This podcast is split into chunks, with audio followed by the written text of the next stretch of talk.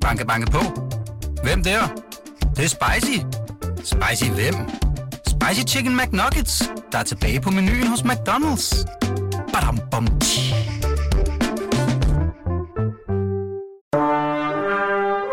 Du lytter til Radio 24 /7. Velkommen til Flaskens Ånd med Poul Pilgaard Jonsen. Dagens gæst her i kanappen er, hvad skal jeg sige? Ja, jeg kunne sige øh, min dårlige samvittighed. jeg var lige ved at sige min personlige træner. Men det er vist snart 10 år siden. Ja, ja, det er lang tid siden. Hvornår var det, du flyttede fra Dangletær, Lotte Arndal? Ja, det er, er det syv otte år siden. Ja. Ja. Og du var der også lidt tid efter, at jeg holdt op med at gå der. Ja. Og øh, ja, guderne skal vide, at jeg mange gange har forsøgt at få mig slæbt sammen til at gå hen til dig, eller et andet træningscenter for den sags skyld. Øh, det er ikke blevet til så meget. Så derfor den dårlige samvittighed, ikke? Så derfor du inviteret mig i dag. Jeg troede, det var, fordi vi skulle træne. Ja, du jeg skrev til mig. Ja, ja, det gjorde jeg. så tænkte jeg, du må, du må ringe en anden dag. Jeg holder fri i dag. Ja.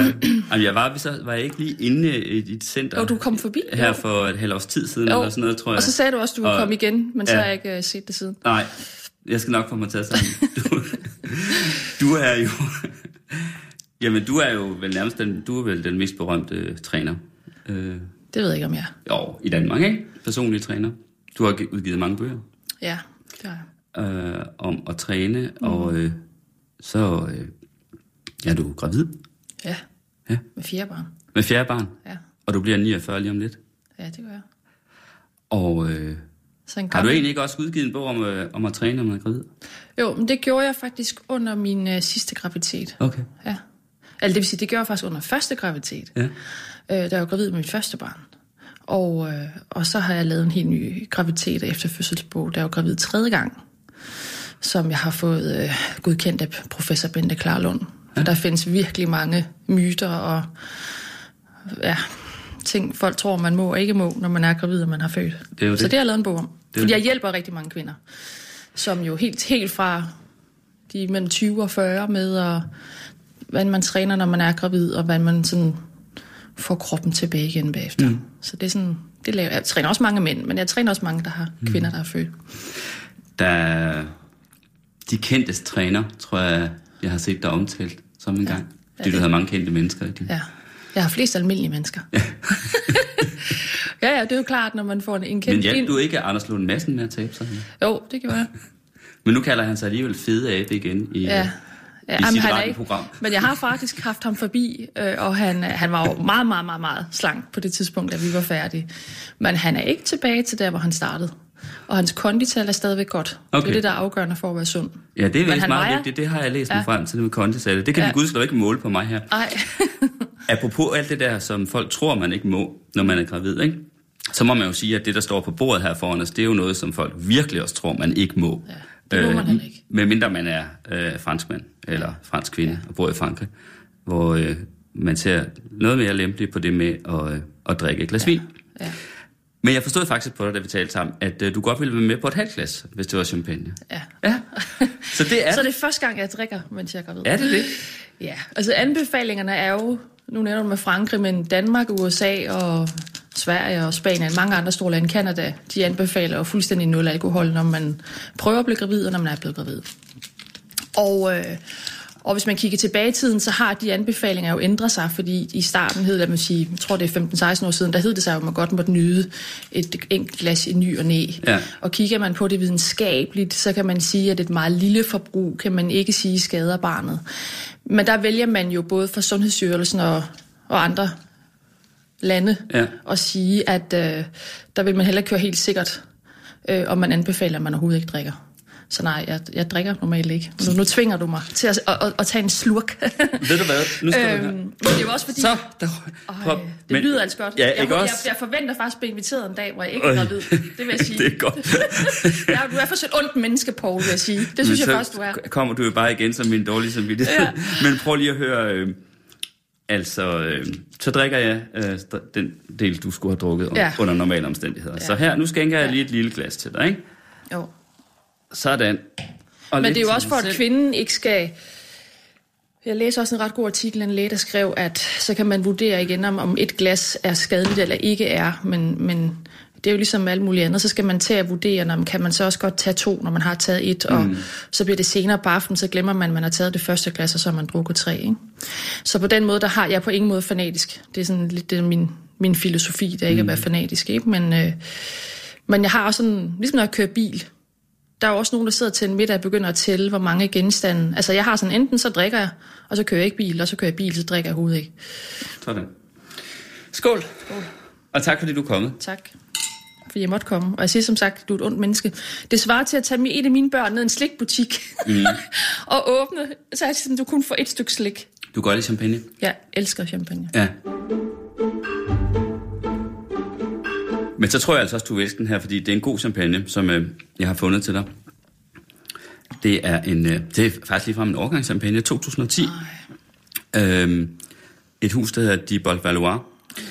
I champagne, der er de fleste øh, forbinder nok champagne med sådan de der store huse, den gule enke og øh, Moet de Chandon og så videre. Men der findes jo faktisk nogle, som jo er nogen, der køber druer ind fra mange forskellige avlere i virkeligheden, og så selv har nogle marker og så videre, ikke? Men det er egentlig ligesom en slags, øh, man kunne næsten sammenligne det med et slags, øh, ja, det er ikke et andelsmejeri, men ligesom på et mejeri, hvor alle mulige bringer mælk ind, mm. og så kommer det til at stå arler på, ikke? Jo. Selvom de lavet en masse. Men det her, det er faktisk en selvstændig producent en af de, øh, en af de mest anerkendte af de der selvstændige producenter. Og, øh, og faktisk er det ikke altså nogle selvfølge, at man kan få. Man laver både champagne uden overgang og i overgangsudgaver. Og øh, ham her, den gamle nede på Dibold Valois, han hed Jacques. Jacques Dibold. Han var meget sådan kredsen med, hvilke år der var gode nok til, at man ville udsende en overgangschampagne. eller så bruger man det bare til at lave uden overgang, ikke? Så hvis man ser på sådan en overgangsrække for de Valois, så er der faktisk nogle ret store huller, hvor der ikke er udgivet nogen overgangsstipendier, fordi han ikke synes, at overgangen var god nok. Men, og han har to børn, der driver det nu. Arno og Isabelle hedder de. Og de har ligesom samme restriktive holdning til det der med, hvornår er det fint nok til at blive en overgang. Og det er de så synes 2010 var. Og det er også en god overgang. Det er ikke en fantastisk overgang, ligesom for eksempel 2008. Men det er sådan en god nok overgang. Det er det. Og så, øh, ja, nu ved jeg ikke, noget du smage på det? Jeg er nødt til at tage den ene slurk, jeg vil. Ja, ej, du må da godt tage to. Men ellers kan jeg fortælle dig, at øh, den er sådan virkelig cremet på en ret dejlig ja. måde. Og sådan nogle fine små Jeg siger igen, bobler. du er et ondt menneske. Altså, det, er, det er faktisk... Igen, jeg siger det, Ej, hvor er igen, de bob... jeg, Prøv lige at se, hvor små de jeg, bobler jeg er. forventer at blive inviteret en dag, Ej. hvor jeg ikke er gravid, og hvor jeg ikke ammer. Det vil jeg sige. Nå, Ja, jeg ved ikke, om, man, øh, om der ligefrem kan opstå flaskeånd bare på, bare på en enkelt sluk eller to, men det må vi jo se. Under alle omstændigheder, så vil jeg lige fortælle dig noget. Øh, jeg googlede dig, inden du kom, selvom jeg jo som sagt jo altså øh, har set til, noget til dig før, men altid med træningstøj på. Altså, både mig og dig. Ja. Fordi det kun, øh, jeg har kun set dig i træningscenteret. Og det var måske i virkeligheden... meget træningstøj. Ja, også når jeg kommer hjem, så klæder, klæder jeg faktisk også lidt af en tilsnigelse at sige, at du er min personlige træner, fordi man kan sådan købe nogen, hvor man kun har dig, ikke? Jo, De gange, hvor jeg havde ret til en træner, der var det sådan, nogle gange dig, og nogle gange nogle andre. Nå, men det var det, der Google kom fra. Du ved, når man googler nogen, så øh, kan man jo se nederst på, på første side, hvad der er de mest googlede ord Ja. i forbindelse med en person, ikke? Nu skal jeg fortælle dig, hvilke tre sætninger, der er de mest googlede på dig. Det ved jeg ikke, om du selv ved det. Den mest googlede er Lotte Arndal, alder, gravid. ja. Ja. Det Jeg næste, ikke. Jeg lytter. Jeg det næste ikke. er Ja. Lotte Arndal, uddannelse. Og det tredje er, er Lotte Arndal, kuger. Og en kuger, det er jo altså et udtryk, udtrykket for en kvinde, der er til meget yngre mænd. Ja. Ja. Det forbindes du åbenbart med. Ej, jeg tror, der har været en artikel, jeg tror, det var det, var det Ekstrabladet, der havde den overskrift. Ja, Ja. om kuger. Ja. Men det er jo fordi, Ej, jeg synes kun, det er sjovt. Ja. Jeg tager dem oprejst pande. men som sagt, du er jo du er 48, nu snart 49, og hvor gammel er din kæreste? Han er 15 år yngre. 15 år yngre. Han er min mand. Ja, Vi er mand. gift. Ja, ja, ja. Og hvad er tidligere øh, kærester? Har de også været yngre? Jeg vil sige øh, nej. Altså som ung og helt op til at var starten af 30'erne, har mine øh, mænd været samme alder som mig. Okay. Og min, øh, mit første barn, som er 16 år nu, hun, øh, hendes far og jeg, vi er lige gamle. okay. Men øh, Man kan jo heller ikke være kuger, når man er ung. Nej. Du kunne, Det man kunne da godt være totalt. 30 og så have en mand på 20. Det kunne man da Det er godt. rigtigt. Ja, det kunne man da faktisk godt. Det er der jo nogen, der har. Ja, ja, ja. da godt. ja, ja. Nej, men så... Øh, men jeg vil faktisk sige, at det er jo interessant, fordi jeg har jo øh, også sådan rent privat været i fedtefadet. Hvordan? Nu vidste jeg jo ikke, hvad du ville spørge mig om, før Nej. jeg kom, men der er jo mange, som sådan har spurgt til det. Det er, det er faktisk aldrig noget, jeg er gået efter. Og Altså vores, yngre mænd. nej, det er det ikke bevidst. Øh, og vores bryllupstale, der underholdt jeg også med, at det var ham, der lagde an på mig, for jeg synes nemlig, at han var, han var for ung. Fordi historikken er nemlig, at jeg jo så bliver alene med mit første barn, og egentlig har en kollega på D'Angleterre, hvor min forretning lå, der hvor du var kunde. Mm-hmm. øh, der havde jeg en kollega, som, som øh, du ved, man havde en flørt kørende med i længere tid, som også var yngre end mig, og var også sådan helt, nej, vi skal ikke være kærester, du er alt for ung, og det duer ikke. Men det kom der så et barn ud af, forstår mig ret, øh, hvor jeg jo var gravid, og øh, der var han jo yngre end mig, og havde jo så ønsket, at barnet ikke blev, kan man sige, ikke? men det ønskede jeg jo ikke, fordi jeg var jo igen i, hvad jeg havde været, 36 dengang, ikke? Og, og øh, så kan man sige, så, øh, så havde jeg egentlig ikke haft et, og så havde jeg et, et forhold gennem halvanden to år, igen med en mand på samme alder som mig, efter jeg fik mit andet barn. Okay. Øh, faktisk også en kollega fra D'Angleterre, men han, vi var lige gamle. okay. Ja. Øhm, Så det er ikke, fordi du egentlig har en forkærlighed for mænd? nej, det vil jeg ikke sige. Jeg vil sige, at... Øhm, nej, det er det ikke. Men, øh, men man kan sige ja og nej. Jeg synes, jeg har været rimelig åben overfor. Altså, jeg har altid været meget udadvendt, og synes, jeg har mødt mange mennesker. Og øh, du ved, specielt min mor har været meget efter mig det der med, nu må du da også finde dig en mand, og du møder så mange igennem dit arbejde, og det kan da ikke være rigtigt og sådan noget. Jeg synes, jeg har mødt mange mænd øh, på min egen alder, som enten er lykkelig gift, nogle dejlige gode mænd med nogle gode værdier. Jeg synes, jeg har mødt mange mænd på min egen alder, som har kvinder ved siden af, de er gift. Rigtig mange faktisk, synes jeg. Som har elsker, altså? Ja, ja, som jeg synes, at det, kan, øh, det, har, det har jeg faktisk gjort en gang, da jeg var omkring de 30, tror jeg, men hvor jeg har sådan et, det giver... Hvordan ved du egentlig, at det fortæller de dig det? Øh, jamen, det har jeg kun prøvet en gang i mit liv. Hvis jeg møder andre unge kvinder, så har jeg sådan lidt... Nu er også mange yngre kvinder ansat. Nej, men jeg mener, at du har, siger, at der er mange mænd, som har elsker. Altså, Ja, ja, nå, men igen- Hvordan kan du vide det? Han har Nå, sagt, er fordi det, de, øh, jeg kan jo se, at de er gift. Altså, Ja, og, du, og, du, øh, og de fortæller dig det? Eller? Ja, det er der mange mænd, der gør. Okay. Ligger inde på andre kvinder, mens de har ringen på, når man Ja, går ud. ja, ja, ja. Og det kan jeg sige, det, det er jo den, hvis nu man er 20 eller 25, hvis man går ud, når man er, øh, som jeg var, da jeg var single, der slut 30'erne for eksempel, ikke, så er man jo, øh, så møder man jo mange, øh, mange mænd, som var øh, gifte, forstår mig, mm-hmm. ikke? Så synes jeg, jeg mødt, og det synes jeg igen er enormt uschammerende. Jeg siger til alle unge kvinder, jeg møder, øh, man man skal prøve alt, men det der, det er bare, det er dårligt. Det er dårlig energi. Øhm, hvad hedder det? Øhm, Så du synes egentlig ikke, der var så mange i din egen aldersgruppe efterhånden, Jo, som ja, nej, var, det synes jeg ikke, det var. Som var, altså, som var single og som var Nej, ikke nogen, der var single. Jeg har mødt flere også på et tidspunkt, en af mine lægevenner, som jeg synes er helt fantastisk. Han er meget lykkelig gift. Altså jeg har sådan et, dem, som jeg synes, jeg kunne se mig selv med som familie, ikke kun at have det sjovt. Øh, de var gift i forvejen. Og så synes jeg, jeg mødte mange mænd, som sådan var igen, øh, var blevet skilt og egentlig var single, og øh, som er meget ude af balance med sig selv, synes jeg. Øh, Hvordan, hvordan ude af balance? Jamen, igen sådan noget med, at, at en jeg var på date med, som fortæller mig, at han har så fået to børn og var på det tidspunkt øh, 40, og siger, at jeg har aldrig elsket hende, hende han har fået børn med. Hvor jeg også bare tænkte, det siger da mere om dig end om hende. Jeg har aldrig mødt hende. Men du ved, ude, totalt ude af balance, hvor han sådan lige pludselig, du ved, går lidt i den der øh, panikalder og øh, øh, ikke var sådan forankret i sig selv og i sin personlighed og hvem er jeg. Fordi man kan jo sagtens blive gift som 20-25 år, og så være gift 15 år og få nogle børn, og så mm. øh, glide fra hinanden og få andre interesser og sådan noget. Det, men jeg synes bare, jeg har mødt flere, hvor at det sådan lidt er et øh, mandepanik revival, eller hvad man sådan siger, ikke? Øhm, og så synes jeg jo, nu klandrer du mig for at have en ung mand, men jeg Nej, det klandrer jeg da jeg ikke for.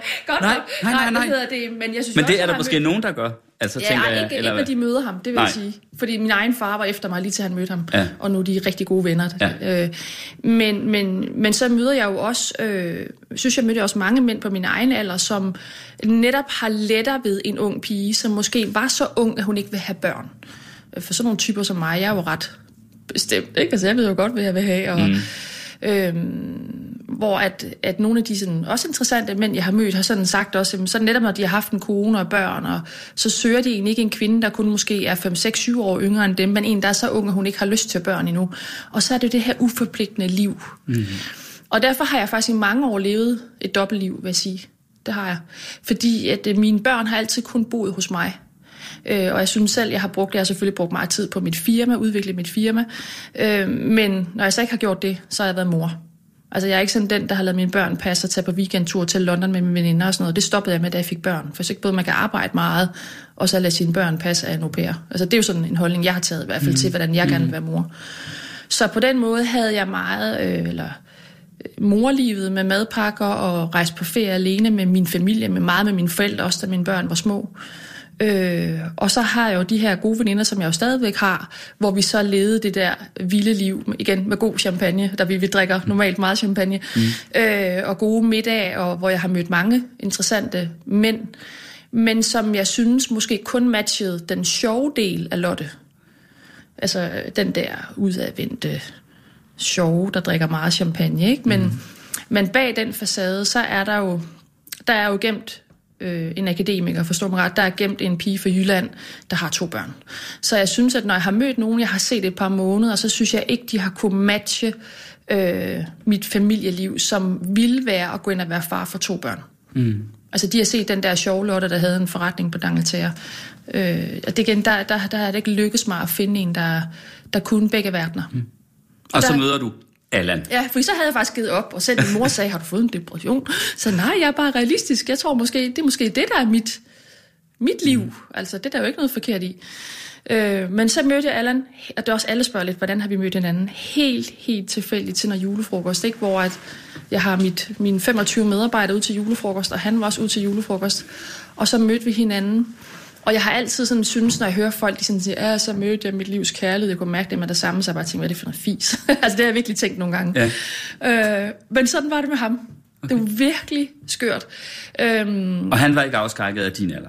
Nej, fordi først så troede han, ja, han, altså jeg synes, han så ung ud. Han troede, jeg var yngre, end jeg var. Mm. Jeg har været... Du ser ved Gud også yngre ja. ud, end du er. Og jeg det skal jeg helt sige. Og jeg du ser jo rasende godt ud. Det tak, tak. kan man godt sige. Det vil jeg øhm, gerne sige. Ikke? Jeg skal men, lige høre i øvrigt, øh, hvilken alder synes du, eller tror du, din egen krop er, hvis man kan sige det på den måde? Altså, nu synes jeg, det der med at teste sin alder, det er noget fis. Men anyway, jeg kan Hvad ikke mærke på min cirka? krop. Ja, det ved jeg ikke. Altså, jeg har, da jeg var yngre, før jeg fik børn, trænede jeg jo rigtig meget. Og der lavede jeg også nogle Coopers test. Du ved, ja. hvor langt kan man løbe på 12 ja. minutter ja. og sådan noget. Og nu kan jeg selvfølgelig ikke løbe, fordi jeg er højgravid, men, men der kan jeg løbe det samme, som jeg kunne, da jeg var de der 27. Så Yes. Så det eneste, jeg kan mærke på min krop, jeg er blevet ældre, det er mine øjne. Altså jeg fik briller, da jeg var, altså læsebriller, da jeg var 43. Men jeg kan ikke, overhovedet ikke mærke på min fysik, at jeg er blevet ældre. Nej. Hverken på min, altså jeg har jo igen, fordi jeg har trænet rigtig meget, også da jeg var yngre, meget mere end selvfølgelig, end jeg gør nu. Øh, der havde jeg jo masser af tid, ikke? der trænede man jo 10 timer om ugen, før man fik børn. Mm. Men øh, der havde jeg også nogle programmer, jeg kunne lave. Den kan jeg lave den dag i dag, også som gravid faktisk. Så det der er nøglen, der er egentlig bare er fortsat med det.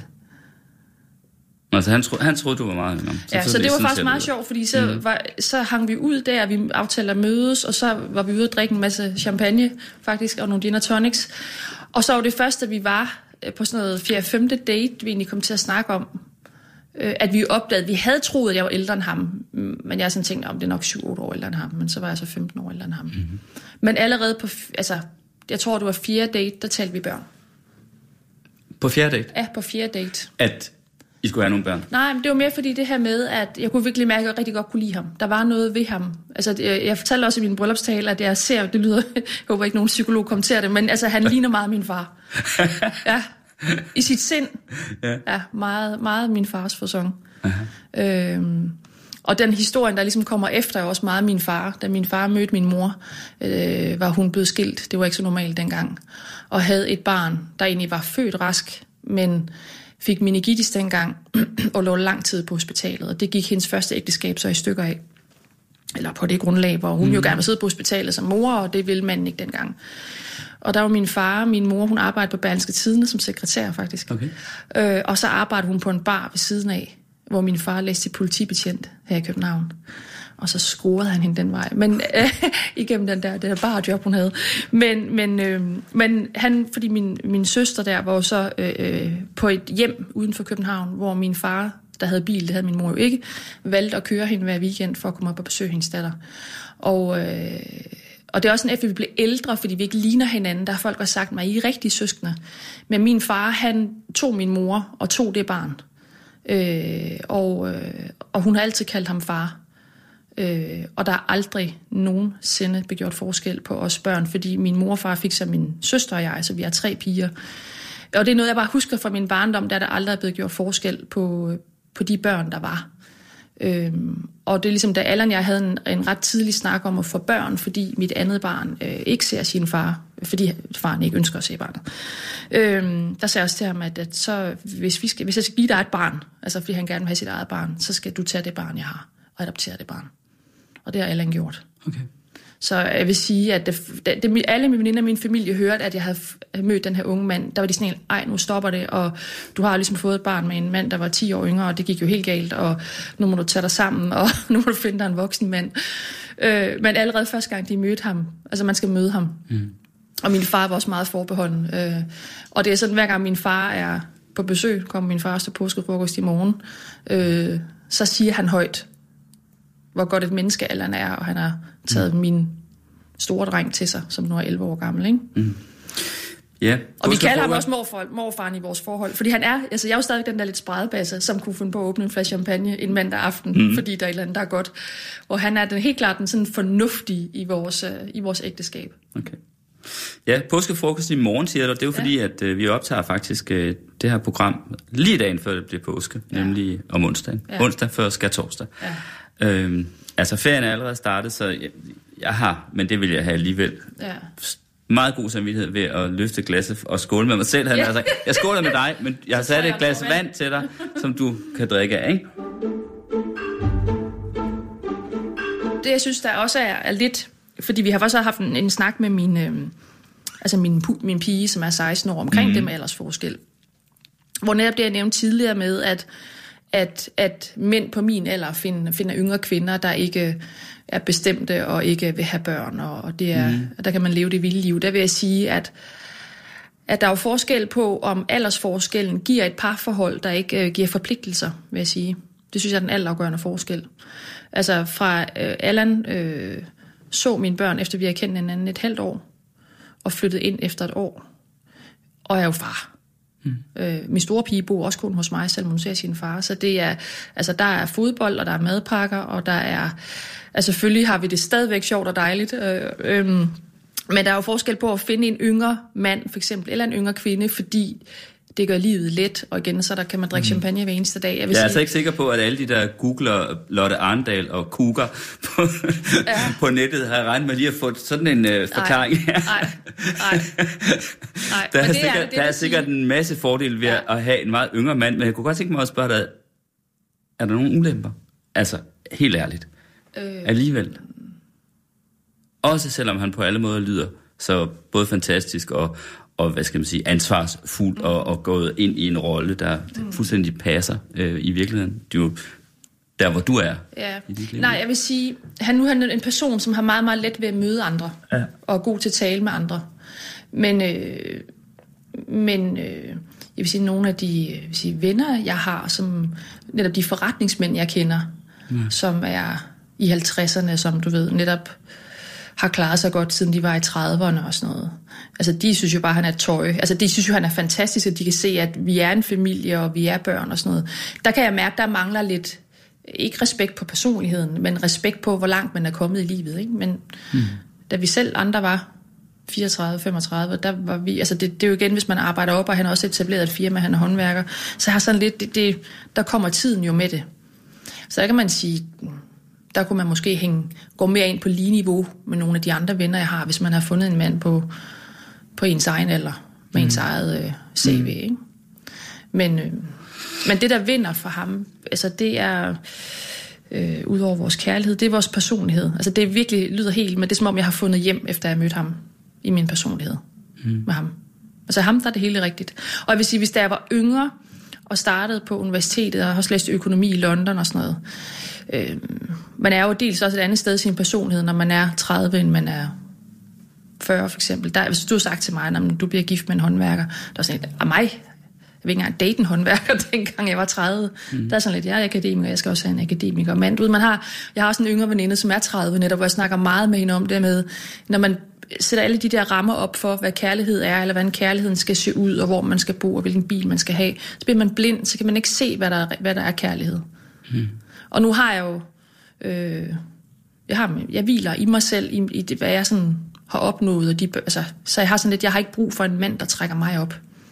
Jeg har brug for en mand, der gør mig glad. Og han gør mig glad hver eneste dag. Sådan. Ja, og vi griner hver dag. Jeg kan, altså, jeg kan altså lige skåle for ham. Jeg skåler for alle. Ja, det er godt. Skål for alle. Du kommer fra Jylland, sagde du? Ja, jeg kommer fra Jylland. Ja, Jo. Hvorhen? Uden for Aarhus. En by, der hedder Lystrup. Ja, ja. En by, der hedder Lystrup. Ja, den er tror- blevet større endnu. Jeg tror, der var alligevel det fleste. Det er jo en forstad. Ja, og dengang, der var det en lille by. Det var det. Ja, dengang vi byggede hus, der var vi det eneste parcelhus på, på de der marker, der lå der. Okay. Så din far var betjent? Ja, min far er politibetjent. Ja, min mor arbejder på psykiatrisk afdeling på Rigskov. Mm. Ja. Hvordan øh, din, øh, din søster, der halvsøster, ja. hun boede så på et hjem. Ja, så hun har aldrig boet hjemme hos min søster og jeg. Så du har virkelig været reelt enebarn. Ej, for jeg har en hel søster. Okay, du ja, har ja. en helsøster. Ja, som er fem, Okay. fem og et halvt år ældre ja. end mig. Ja. Som stadigvæk bor i Jylland. Og øh, fik børn, da hun var starten af 20'erne. Hun fået tre børn. Som man gør, når man bliver boende i Jylland. Og de er stadigvæk lykkelig gift. Var du lige så målrettet med alting? Det tror jeg, folk, der har lyttet til programmet her, Flaskensson, allerede, er indtil nu, allerede vil have fundet ud af, at du lyder meget målrettet. Ja, jeg er meget målrettet. Var du lige så målrettet, da du var ung? Øh, da jeg var Da barn. du var ung? Ja, det var jeg også. Ja, Det var ja. du. Og jeg var Og hvad, meget... hvad gik du efter det? Jamen altså, øh, dengang der red jeg dressurridning faktisk. Okay. Ja, der var målet at ride øh, Danmarksmesterskaberne i dressurridning inden sådan sådan en young rider. Det gjorde jeg. Så jeg havde også truffet valg om, at når jeg havde reddet det, så solgte jeg den, og så rejste jeg til udlandet. Det gjorde jeg også. jeg gjorde meget. Så det, min mor har også altid sagt, at jeg har været sådan meget, vil sige anderledes. Det har hun sagt i forhold til sin egen, altså både min personlighed og min måde at være på, siden jeg var helt lille. Og så har jeg hele tiden været meget bevidst om, at det liv, de levede, mine forældre og som min søster også har valgt. Jeg kan godt se fordelene ved det, men jeg var sådan et sådan liv, vil jeg ikke leve. Altså, jeg synes, det var meget... Jeg, jeg kan huske, at dengang jeg var begyndt at blive teenager, 13, 14, 15 år, så synes jeg virkelig, at det var kedeligt. Hvad var det for et liv, du ikke ville leve? Jamen, det var jo det der provinsliv, hvor Ja. altså, allerede om mandagen vidste vi, at vi skulle have frikadeller om torsdagen. Altså, jeg kan jo godt forstå det, fordi selv jeg har flere børn nu, ikke? Men, men det, det, Mm. det, livet var meget øh, provincielt. Og de holdninger, man havde, var meget provincielle. Og sådan. Du ved, det var meget, det var meget provinsen. Mm. Og så tror jeg også, at, at jeg var jo så det eneste, jeg vil sige, overklassebarn, der red på det niveau, jeg gjorde, som ikke havde velhavende forældre. Jeg kan godt sige dig, der er Ja, for du var jo ikke et overklassebarn, vel? Lige nej, det tror alle folk altid er. Ja. Og da han mødte ham, troede også, at hans venner sagde, hun er sådan en overklasse en. Han sagde, nej, det er hun ikke. Nej. Så jeg Men du er vel blevet det, Lotte? Senere, ikke? Øh. Altså, det virker som om, du har klaret det ret godt med, med, med det, du har lavet med Ja, men det har jeg også. dit center, ikke? Dit Øhm, fitnesscenter øh, og bøgerne og så videre, ikke? Men, øh, Men var det direkte sådan, at du... Satte du der faktisk et mål om, at du også ville være rig? øh, nej, men jeg kan fortælle en episode, der omhandlede om penge, da jeg var 18 år, som jeg aldrig glemmer resten af mit liv. Okay. Fordi vi var den her gruppe af unge piger, der red, øh, og Bole, min gode venindens far, også overlevet den dag i dag. Og sådan, noget. det var børn, der så fik betalt det her ridning og, og undervisning af deres forældre. Og min mor og far sagde, at vi kan betale halvdelen. Så øh, gik jeg i gymnasiet, og så hver aften, når jeg kom hjem, så var jeg ude, så var jeg ude at ride hele eftermiddagen. Og så gik jeg ud og gjorde rent. Husk, jeg gjorde rent i Jyske Bank og et eller andet sted. På et tidspunkt gjorde jeg også rent på psykiatrisk afdeling, for det gav mere, det gav tillæg, hvis man gjorde rent inde på en lukket afdeling. Mm. øhm, hvilket også var det, det kan vi også snakke om. Det var virkelig interessant som, som teenager at arbejde der. Det lærte man også noget af. Nej, så, så på den måde, så har jeg hele tiden skulle arbejde for det i forhold til, hvad de veninder, jeg havde dengang skulle. Ikke? Mm. Og, øh, og så var der på et tidspunkt, det var en, øh, en berider, der hed Paul Thomsen, som var landsholdstræner dengang. Han red OL i Seoul, kan jeg huske.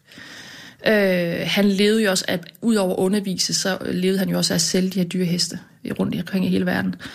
Og, øh, og så har han fået en eller anden, he, altså det er ligesom at få en Lamborghini, en eller anden hest hjem fra Schweiz, han skulle sælge til en eller anden øh, øh, pige fra USA, hvor faren kom, som jo havde virkelig, virkelig mange penge.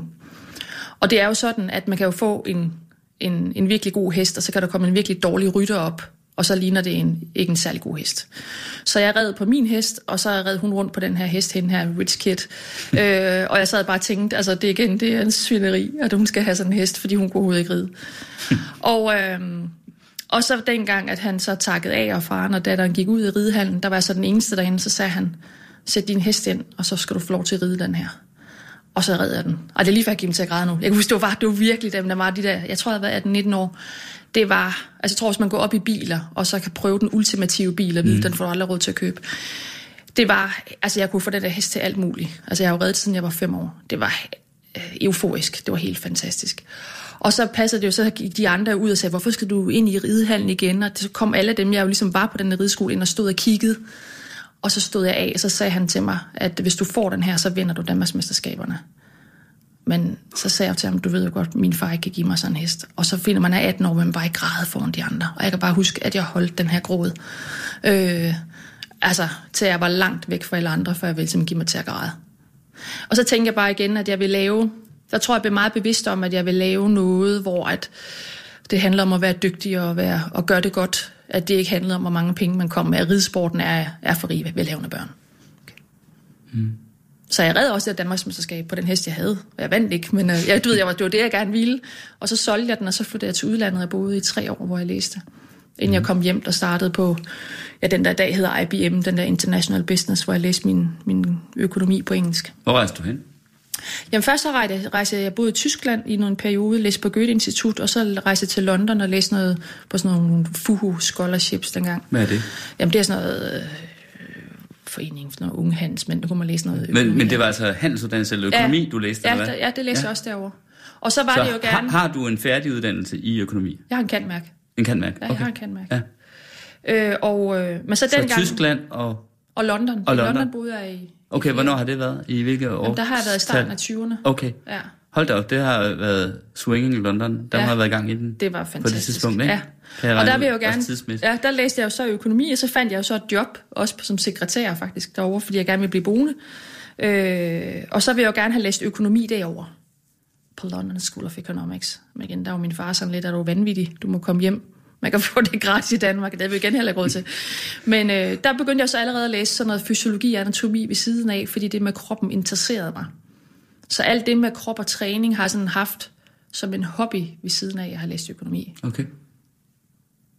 Så det er for sjov. Så jeg, jeg lever egentlig af min, ja. det er min hobby. Hvad jeg siger, det har taget mig lang tid at læse alt det der krop. Ved siden af jo, jeg læste min økonomi, ikke? Men Hvor lang tid var du i London, siger du? øhm, jamen, tre år næsten, to eller tre år, ja. Og så kom okay. jeg tilbage, og så startede jeg på, det hed så Handelshøjskolen i Aarhus dengang. Hvad lavede, levede du det vilde liv, eller hvad? Eller så er du bare på båden, eller? Og trænede Ja. hele tiden, eller? Ja, jeg trænede igen meget. Ja. Men det er jo igen, når man har, det der med også, da jeg sagde, da jeg var ung, der trænede 10 timer om ugen, fordi der var jo meget social i, det var sådan nogle fede danseklubber, og som man, jeg havde veninder, engelske veninder, så, så kvinder eller unge piger, som også, eller unge kvinder, som også læste i London, ikke? så der var jo noget, altså vi var der flere timer, end vi trænede, ikke? men der mm. var meget omkring krop og træning. Der var meget socialt også, vi hang ud med hinanden. Mm. Ja. Men har du aldrig sådan lavet stå til, eller hvad man skal sige, altså bare givet den mega gas og røget og drukket og spist for meget? Nej. Jeg vil Nej, sige, jeg vil virkelig, aldrig. jeg vil virkelig, øh, jeg har, jo, jeg har røget grøn luk, da man skulle, da man Grøn gik, luk? Ja, da man gik i skole. Kan du huske, der var, jeg ved ikke, hvor gammel man var, man skulle prøve at ryge. Mm. Og så har jeg røget en cigaret en gang under en, igen en personalefest, fordi en af mine medarbejdere nægtede at tro på, at jeg kunne ryge en cigaret, så hun til at vinde et vedmål. Men nej, det røg, røget har jeg aldrig, det har aldrig sagt mig noget. Jeg vil sige, jeg har haft perioder i mit liv, hvor jeg igen, altså jeg er aldrig kendt for at være en festabe. Mm. Igen apropos det med champagne. Jeg har altid mm. drukket meget. Ikke, det lyder så voldsomt, ikke? Men altså, også både jeg har læst og sådan noget, så jeg er også lidt den, der, jeg arrangerer gerne festen. Ja. Øhm, men så har jeg stadigvæk stået op og læst Og mine træne? lektier. Ja, jeg har Og stadigvæk. træne dagen Ja, efter? og spise sundt dagen efter. Så det kan godt være, der er en pizza ind på vej hjem, men, øh, mm. men så, jeg, jeg, jeg, jeg har aldrig været ude af form. Det har du ikke? Nej. Aldrig? Nej. Men det er, Aldrig været bare Nej, men jeg vil et sige- halvt kilo for tyk? Eller? Øh, og en lille smule, da jeg flyttede til London, var jeg lidt rundere, end jeg er nu. Men nu er jeg jo slank, så jeg er stadigvæk øh, jeg vil sige, normal vægt, ikke? Mm. lige da man flyttede hjemmefra, selv skulle til at lave mad. Men det der med at bruge kroppen, det er derfor, jeg vil, vil så gerne, jeg prøver alt, hvad jeg kan at få mine egne børn til at bevæge sig, hvilket er svært, kan jeg så sige, ikke? fordi børn er jo på sociale medier og på iPads og YouTube og sådan noget. ting. Men, men øh, vi boede jo i det her parcelhus ude på den her mark i Jylland, og, øh, og der forpagtede vi sådan længe en gård, hvor vi, min søster og jeg havde de her heste. Så, øh, så altså, hele min barndom har været fysisk aktiv hver eneste dag. Ikke? Og de der heste skulle jo ud, øh, selvom det regnede og snede og sådan noget. Så jeg har bare altid brugt min krop. Altså, der er nogle folk, der kun går en tur, når solen skinner. Altså, jeg har været ude og cyklet op på den der gård i stiv modvind i 10 år på min grønne SSO-cykel. Ikke? Altså, jeg, jeg har været vant til at bruge min krop altid. Så for mig, det behøver ikke at være et fitnesscenter. Folk tror også, jeg træner mere fitness, end jeg egentlig gør. Men jeg bruger min krop meget. Altså, mm. øhm, jeg, jeg, synes, jeg har det ikke godt heller ikke i mit sind. Altså, om det så bare gå en tur, eller cykle en tur, eller et eller andet, hvor kroppen i hvert fald er i bevægelse. Ja, fordi altså nu kan du, eftersom du aldrig har haft en usund krop, så kan du ikke vide, hvordan det egentlig er at være inde i sådan en. Men, men, men hvad tror du er den mentale effekt af at have en sund krop? Fordi det lyder som om, du bevæger dig lidt omkring Ja. det, Ja. i det du siger her. Ja, men det kan at det har et, en, en effekt på dit øh, sind ja. en eller anden måde, ikke? Jo, men nu for eksempel, ja, nu, det er jo det, jeg lever af. Jeg lever jo af at vejlede andre. Og en ting er, at man, man kan udvikle specifikke programmer, og man kan sige, at det er bedre at spise broccoli end noget andet, for eksempel. Eller sådan noget. Men det handler om balancen og finde... Jeg tror også, at det har noget, som i bund og grund ikke har noget med mad at gøre. Jeg tror igen, det har noget med opdragelse at gøre. Og jeg prøver, for jeg kigger meget tilbage på, hvilken opdragelse min mor har givet mig, øh, og hvad er det for en opdragelse, jeg vil give mine børn. Det der med at hvile ekstremt meget af sig selv. Jeg er heller ikke den, øh, der øh, overspiser, fordi jeg er ked af det. Eller over, altså, det er der jo rigtig mange folk, der gør, fordi livet går dem imod. Eller bliver passiv igen, fordi livet går dem imod. Ligger sig på sofaen og holder op med at bevæge sig. Jeg tror også, det har noget med en indre balance at gøre. Og mange af dem, jeg er vejleder, som har svært ved at finde den balance, har jeg indledende samtaler med, og dem sender jeg også til psykolog. Okay. For at finde den balance. Jeg har en samarbejdspartner, der er psykolog. Som, øh, og der behøver man jo ikke at være spiseforstyrret. Man behøver ikke have anoreksi eller bulimi eller veje halvanden hundrede kilo. Men det der med at finde ro i... Altså svaret, det lyder lidt hippieagtigt, ikke? men svaret ligger jo i kroppen.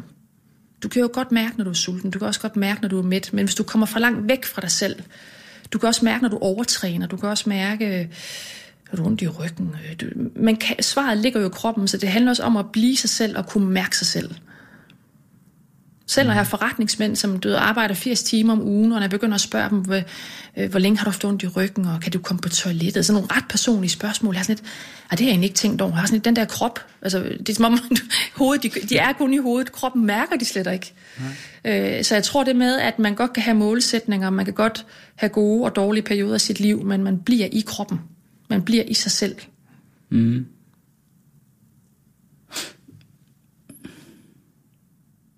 Men det du siger der, det er jo egentlig på en måde, at, hvad skal man sige, Altså, fordi jeg sidder og tænker på, jeg spurgte jo egentlig om, du tror, der er en mental effekt af at have en sund Ja, krop. det synes ja. Men det kom Ja, det egentlig er til at det lyde klart. som om, at du Ja, det snart... og- Men, men at det, det, du i virkeligheden sagde, det var, at du troede, at en, hvad skal man sige, sund psyke, Ja. en psyke i balance, Ja. fører til en sund krop. Ja. Ja, det gør det også. Altså, ja. Det går begge veje. Det- Men jeg mener klart, at, øh, at, øh, at en krop, der er aktiv, og igen, man behøver ikke at gå i fitnesscenter, man behøver ikke at være atlet, men en krop, der er aktiv, det giver et, et altså igen, også hvis vi kigger, hvad forskningen siger i forhold til depression og angst og alle mulige andre ting, det, det virker at bevæge sig. Mm. Og, øh, og i forhold til stressniveau, der er det jo også godt at bevæge sig.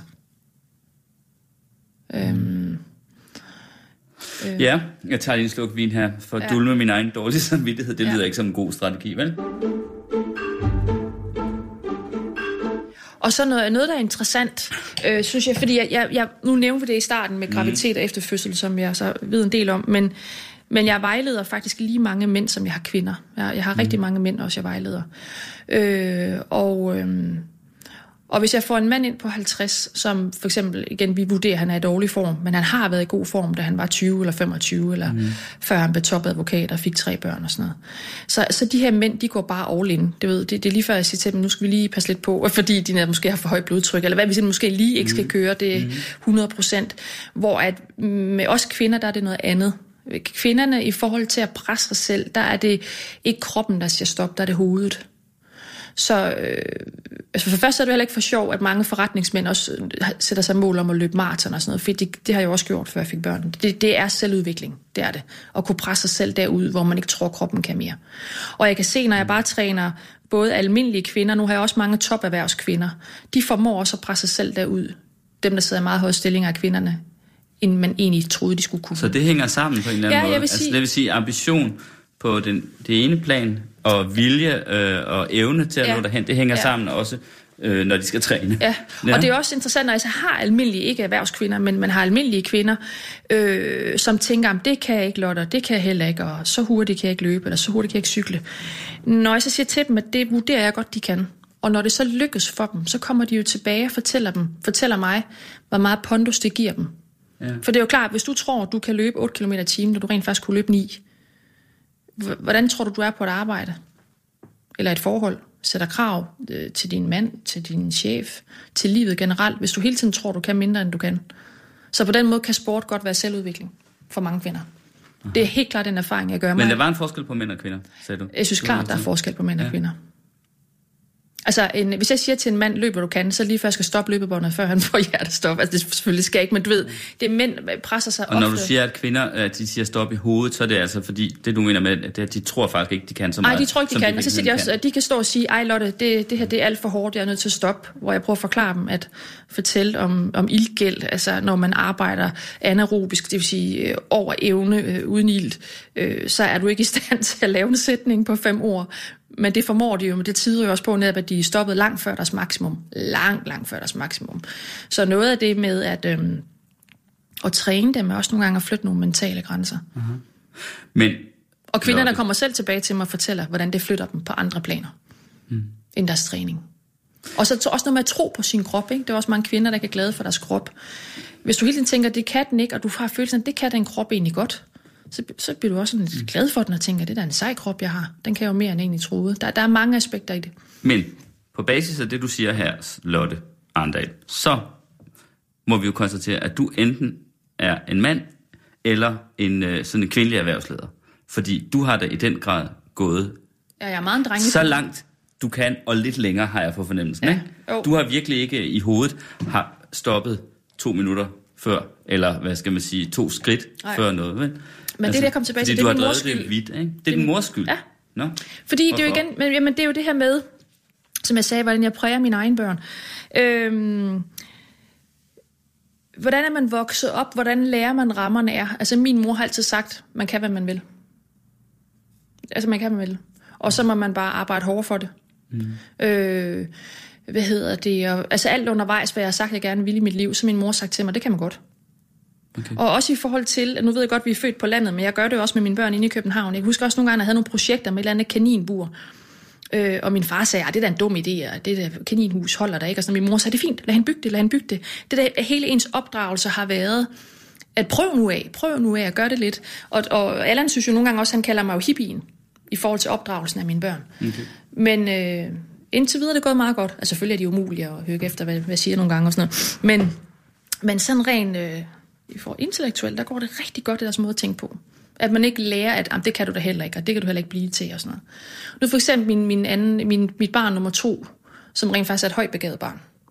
Han sad i går, også til noget påskefrokost, og sagde, at øh, fordi min datter gerne vil læse medicin, og min, min søn sagde så, han vil gerne være astronaut. Og så er der nogen, der begynder at sige, at det er da også en dårlig idé, og der er der ikke så mange, der kommer ud i rummet. Så du skal ikke sige til ham, det er en dårlig idé.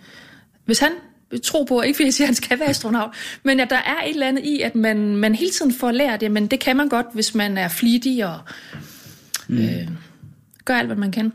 Men, men, men hvorfor, hvorfor satte du egentlig på, øh, på uh, fitnesscenter, altså når du havde en økonomisk uddannelse? Du kunne jo Jamen, være, også jo... være blevet direktør i en bank, han har sagt. Ja. Det er måske ikke lige en bank, men så eller andet. Men altså, igen, mine forældre mente jo også i en lang, lang årrække. Altså nu nævner jeg det der med, hvad jeg sådan synes, der var godt for mit, min mm. barndom, men i en lang årrække havde jeg jo kæmpe, kæmpe opgør med min mor og far. Altså de synes jo, jeg var der mest, deres mest umulige barn. Øh, og øh, du ved, så flyttede jeg jo den eneste for hele min familie, der bor i København. Altså jeg har ikke mm. engang en kusine eller en fætter her. Ja. Altså alle bor i Jylland. Men de synes øh, også, det var en dårlig idé med et fitnesscenter? Ja, de synes, det var det mest tåbelige altså, da jeg for eksempel... Og det skulle oven i købet ligge på Dangletær, ja, eller under Dangletær. Ja, jeg havde faktisk, fordi faktisk jeg var ude, jeg var faktisk i Schweiz og løb et, øh, et alpin maraton, mm. mens jeg læste min kandmærk. Og der mødte jeg en partner for Price Waterhouse. Og han sagde nemlig på her, vi mangler virkelig unge kvinder i vores team, øh, om jeg ikke vil komme til en samtale. Og så, det var selvfølgelig, det var da meget fedt. Så kunne du være blevet revisor? Ja. Nej, det var konsulent faktisk. Nå, okay. Det var som konsulent. og, øh, nej, for det er ikke revisor, jeg har læst. Men, men øh, og, og, øh, og det fortalte jeg jo min mor og far om, men fortalte også, at jeg sagt nej til at komme til samtalen. Min mor, hun talte ikke til mig en måned. Hun synes simpelthen, jeg var det dummeste. Hun sagde, på her, du er blevet tilbudt en samtale, du er ikke engang blevet færdig nu med din, øh, dit speciale. Øh, altså, hun synes virkelig, jeg var dum. Og så jeg synes bare, det er spild hans tid, for jeg ved, det er ikke det, er ikke det job, jeg har lyst til at have. Øhm, Men jeg forstod også på dig før, at du faktisk, I havde jo ikke rigtig nogen penge. Altså, hvordan, hvad, må du, lånte du de her penge for at kunne starte det hele op? Ja. Det har jeg været havde, risikabelt. Ja, ja, det er det. Jeg, der var ingen, der sagde, at det ville gå med et, et luksus øh, fitness Men igen, det er, man tror, det er kun penge. Man mister jo ikke sin familie, hvis man mister en masse penge, men, men altså, det er jo kun penge. Mm. Men det, jeg havde gjort, det var, at imens jeg læste, øh, der var jeg så i mellemtiden flyttet til København og læste på CBS, min overbygning, øh, der havde jeg startet et firma op netop med træning dengang, og det var jeg jo en af de allerførste, jeg tror, vi var to-tre i hele Danmark, der, der lavede det her personlige træning, som jo allerede dengang var blevet stort i USA. Mm. Øh, der sparede jeg jo alt op, så jeg havde noget indskud, men jeg manglede også ret mange penge. Øh, så lånte jeg nogle penge af min mor og far øh, mod sikkerhed i deres hus, faktisk noget, som, øh, som har været holdt hemmeligt i hele familien, fordi min mor igen sagde til min far, at det gør vi, vi tror på hende. Øh, men det var der faktisk ikke nogen af mine søskende eller familie, der vidste, fordi igen, det var lidt skørt. Og så lånte jeg også mange penge på mit glatte ansigt, hvor de også mm. indrømmede banken dengang, at det er på grund af din akademiske baggrund, fordi du har valgt at åbne der, hvor du åbner. Og, øh, og jeg havde lavet altså, den vildeste analyse af hoteller i Danmark, Europa hvad der var, hvad der ikke Altså, det var, jeg havde lavet det virkelig gennemført, og brugt nogle penge på at sætte det op på et reklamebureau, så det, det var, da jeg gik til møde på Dangleterre, der var det hele snorlige. Og, men det var jo igen, vi har boet i London, og dengang var fitness derovre. Det var dengang fitnessbølgen jo også startede i Danmark.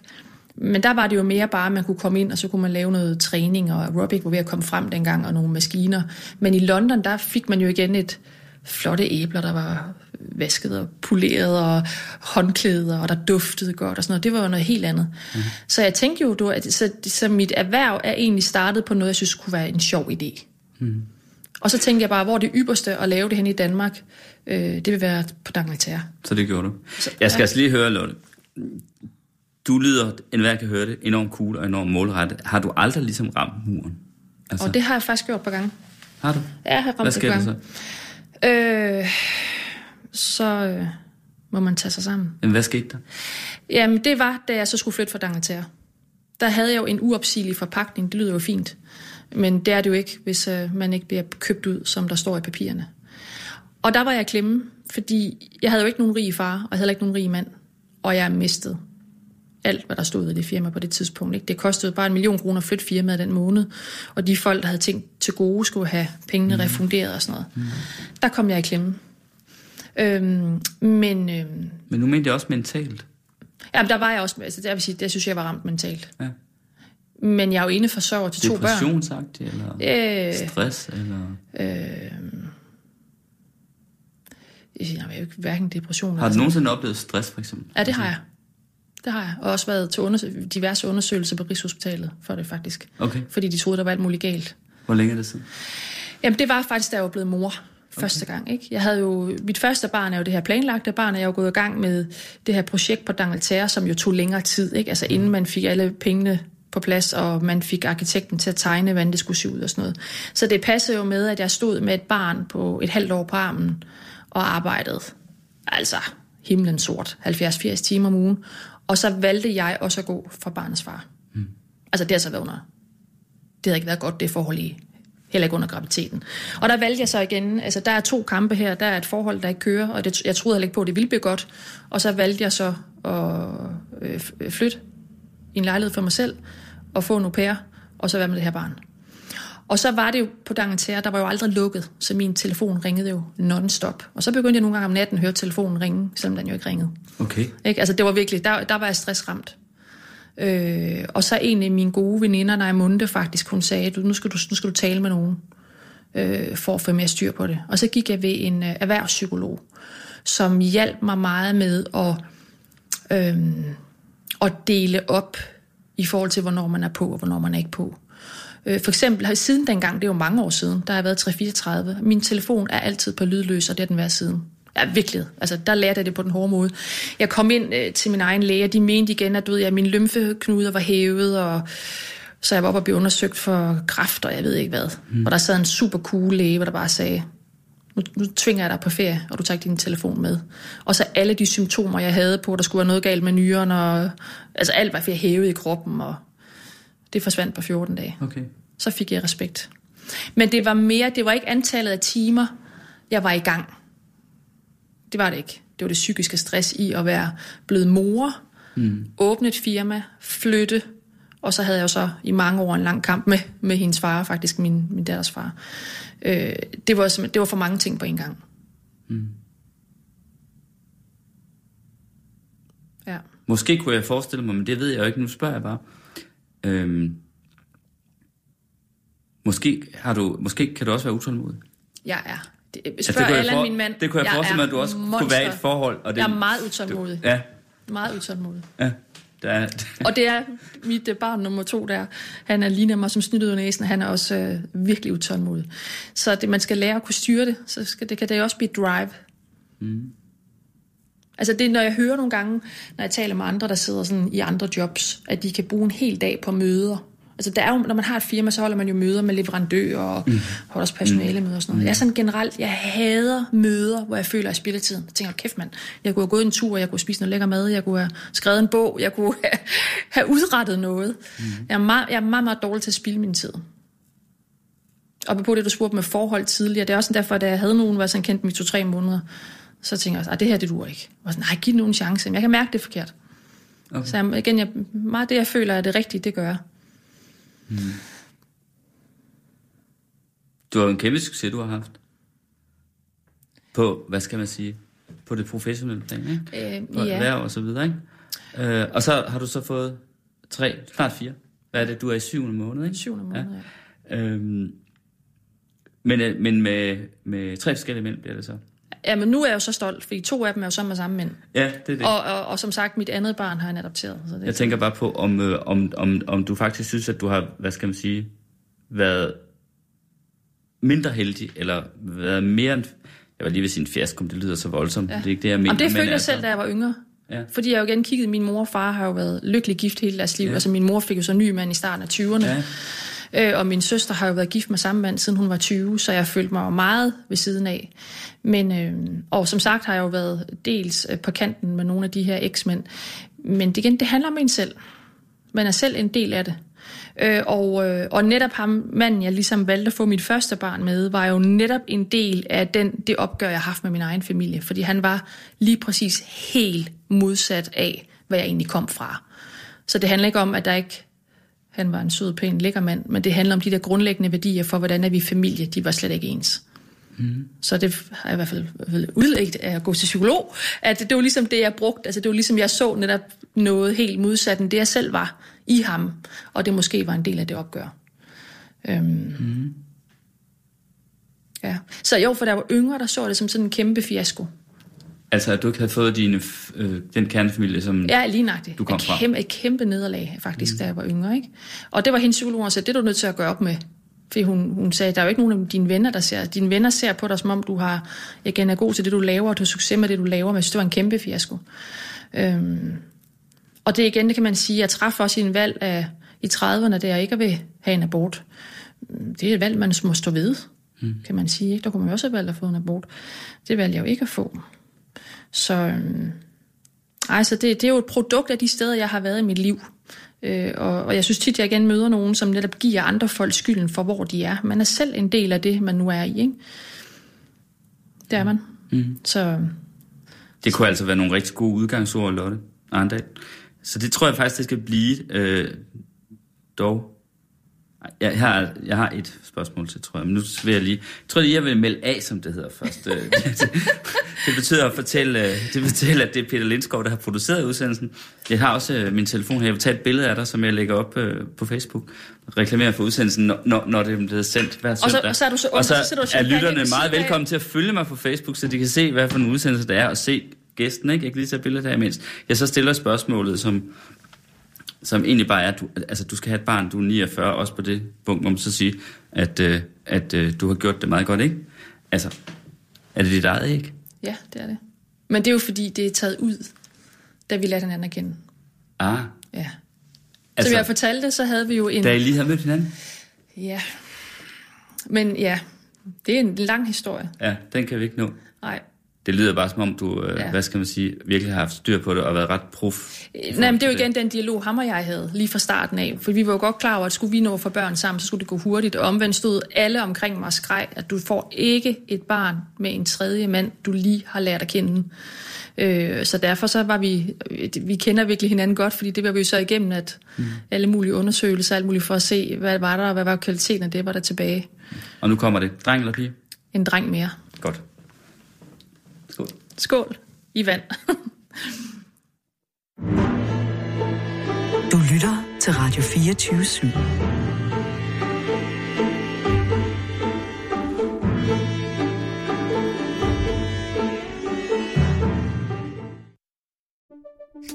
Banke, banke på. Hvem der? Det, det er spicy.